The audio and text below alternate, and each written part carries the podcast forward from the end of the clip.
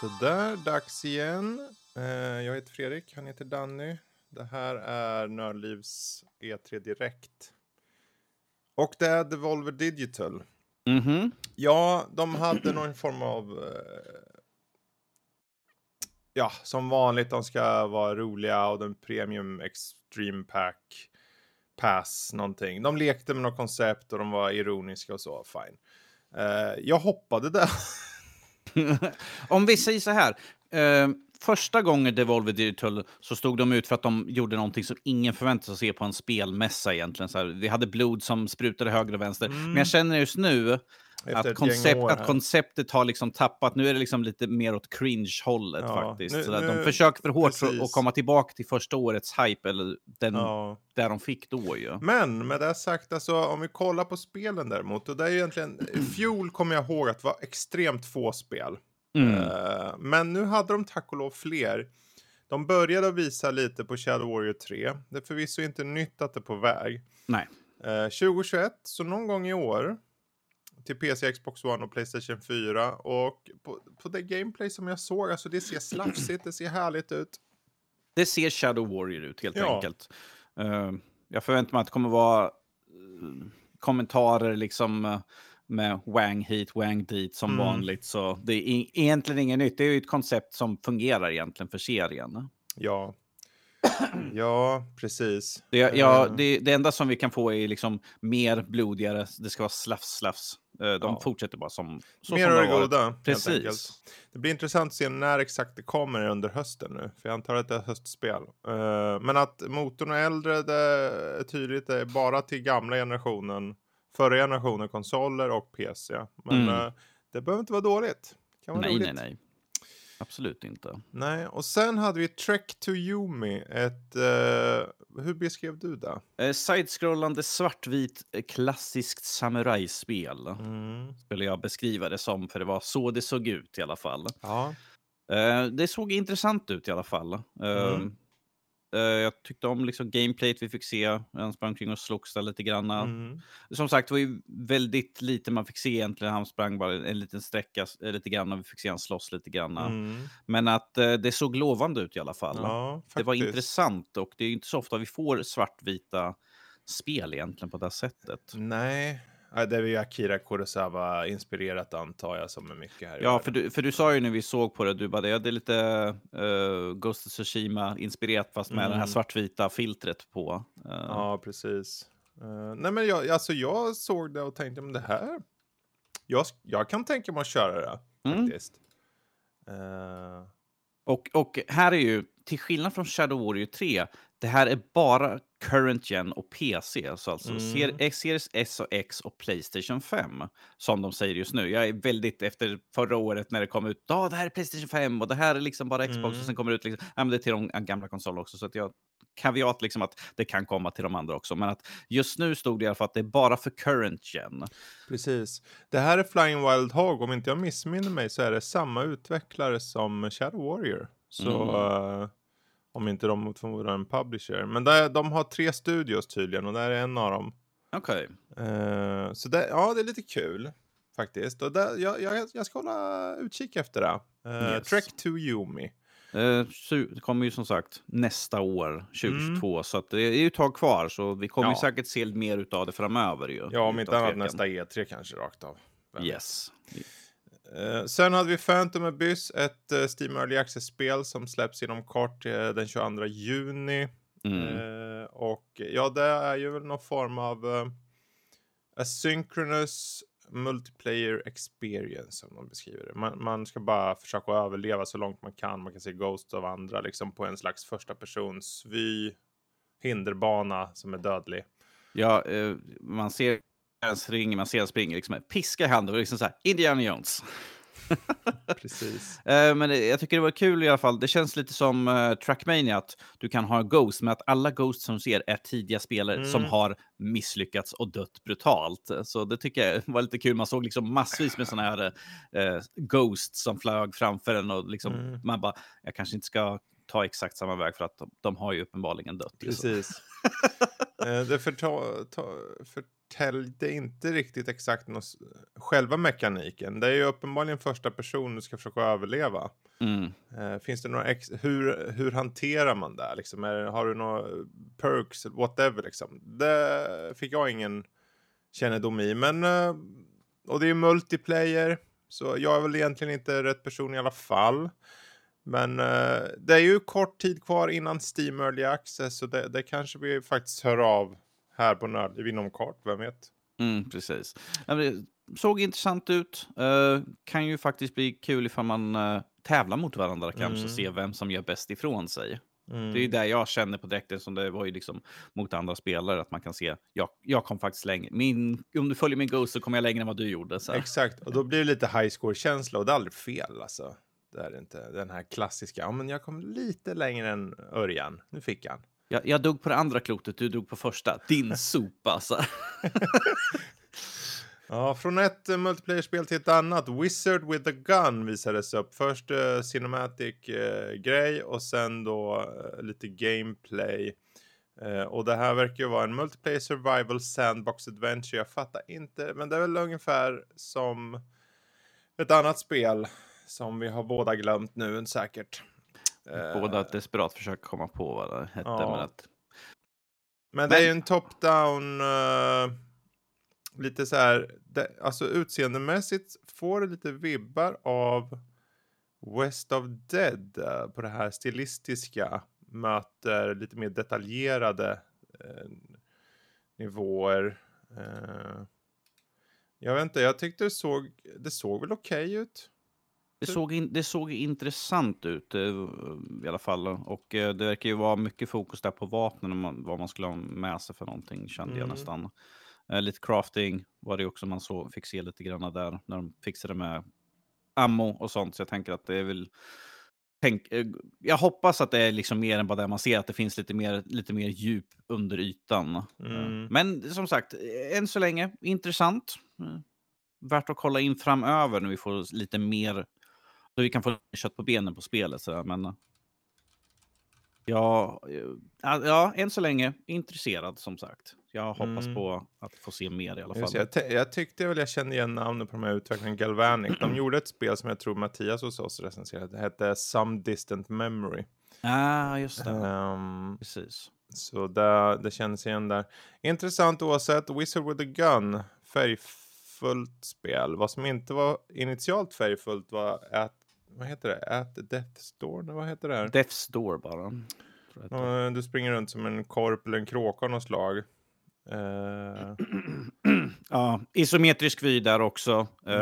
Eh, mycket, det såg väldigt så här, strategiskt ut hur man skulle ta sig an fiender. Liksom, rolla in, slå, snabbt Mm. förflytta sig för att... Eh, ursäkta mig. För på vissa ställen så verkar det som att är fienden slår på marken så kanske en del av marken försvinner bort. Att det är liksom som Mm. block som kanske försvinner bort. Så att det gäller att tänka taktiskt på hur du tar dig an de olika fienderna. Så det, såg ut, det var inte den här liksom in run and gun och bara hoppas på det bästa, utan det var liksom, tar den här fienden, de gör de här attackerna och då händer det här. Så, men Mm. ja.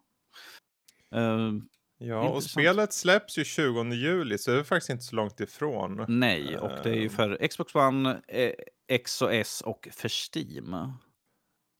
Precis. Så, Eh, Xbox One, Xbox Series XS och Steam. Precis. ja. Och ehm, ja, jag- kan tänka att det där kan vara lite kul att återkomma till. För jag, eh, jag är nyfiken om det finns någon form av story där i det där också. Ehm, Förhoppningsvis Fredrik, det vore lite tråkigt för liksom, du ska bara springa kunna ja, men det, det är ju så att jag, det, jag kan tänka mig att sån typ av spel behöver inte ha en story. Mm. Eh, så det, det, desto bättre om de försöker. Men å andra sidan om det är bara en liten story, det, kan, det skulle jag inte förvåna mig om att det faktiskt bara är. En sak jag tänkte på minimalt, spelet så. också, jag tänkte liksom att jag på direkten jag bara, Ruffel kommer vara så här souls-like.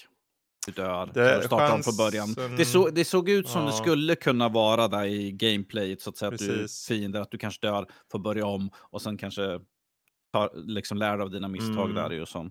Mycket möjligt, men ingenting som vi vet om. Jag Nej. gör bara en vild gissning. Det går dock att hoppa in på Steam om man vill och kolla, för där finns det mer info om det. Eh, I och med att det snart kommer ut, eh, ser jag nu. Men jag tänker inte gå in på det, utan ni, ni får googla. Eh, vi hoppar vidare och då var det ett kortspel av något slag som verkar väva in eh, lite äldre polygongrafik med lite skräckelement och survival fast... Ja, ja Inscription heter det. Eh, kommer 2021. Eh, jag vet inte riktigt vad jag ska säga om det här. Pro problemet är också, mitt i trailern så var det helt plötsligt en hand som kom fram med en diskett i Mm. eh, handen. Och man bara, vänta vad är det här? Och så var det som en liten andra saker. Man bara, det här ser inte ut som bara ett kortspel. Så man blev lite, Perplex. precis, perplex på liksom, vad är det som pågår här egentligen? Ja, de beskriver det själva som deck building roguelike escape room style puzzle game with det var- psychological horror into a blood-laced smoothie. Det var en munfull det där alltså. Ja, eh, Det är, så man, det är så man beskriver sitt spel. Ja, någon gång nu i år. Jag, jag är väl inte rätt publik, för jag tycker att eh, om du ska spela kort, gör det i verkligheten. Och där stängde alla av. Nej, men det finns många bra kortspel, så. men eh, just den här, det blir intressant. Det verkar vara en, en unik take faktiskt. Och vet ifall du ska spela kortspel så blir Uno med dina döttrar. Det får bli Uno. Och blir Uno. IRL. Sen Yes. hoppar vi till, eh, ja visst de hade ett mobilspel Tumble Time, men det skiter jag i att ta upp. Och sen hoppar vi vidare till eh, NES-inspirerat eh, skjuta-spel så här. Vad Top, eh, tänk dig gam, gamla Nintendo, liksom. du rörde Mm. uppåt på skärmen hela tiden. Jag, skrev det som, jag beskrev det som low poly, origi, original Nintendo-liknande spel, top down western shooter med Mm. demoner, för det heter ju Demon Throttle. Så Och, kom, det, och kommer i- till Switch. Ja, Men, det. eh, ja, Det här, det här gör mig så här. Jag bara, ah, det är kul att ni leker med konceptet och uppenbarligen finns det glimten i ögat sett till den här. Han pushade min hustru. Nu ska han få smaka sin sista banan, den jäveln. en demon in hos min fustru och gjorde, eller gjorde han det? Mm. något, något som jag kan uppskatta är liksom att de går ju väldigt hårt in för liksom att få det att se ut som de tidiga spelen. För vi hade liksom ljudet var ju liksom de här Två bits ljud nästan Ja, kändes det precis. som. Så liksom, man bara, vad säger han? Jag kan nästan, det kan, han kan säga precis vad som helst om de skulle lägga en text under jag bara, ja men det är klart det han säger sådär. Mm. Det känns väldigt sån här throwback till uh, nin, original Nintendo Exakt. då.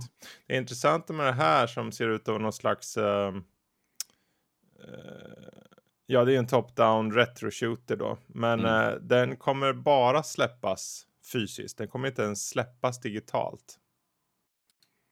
De går emot normen här nu, för alla, Ja. vill ju, alla försöker ju gå mot digitalt och de här bara, nej, vi vägrar. Precis, men det är lite intressant mest för att den gamla tidens spel var ju bara en kassett. Liksom. precis.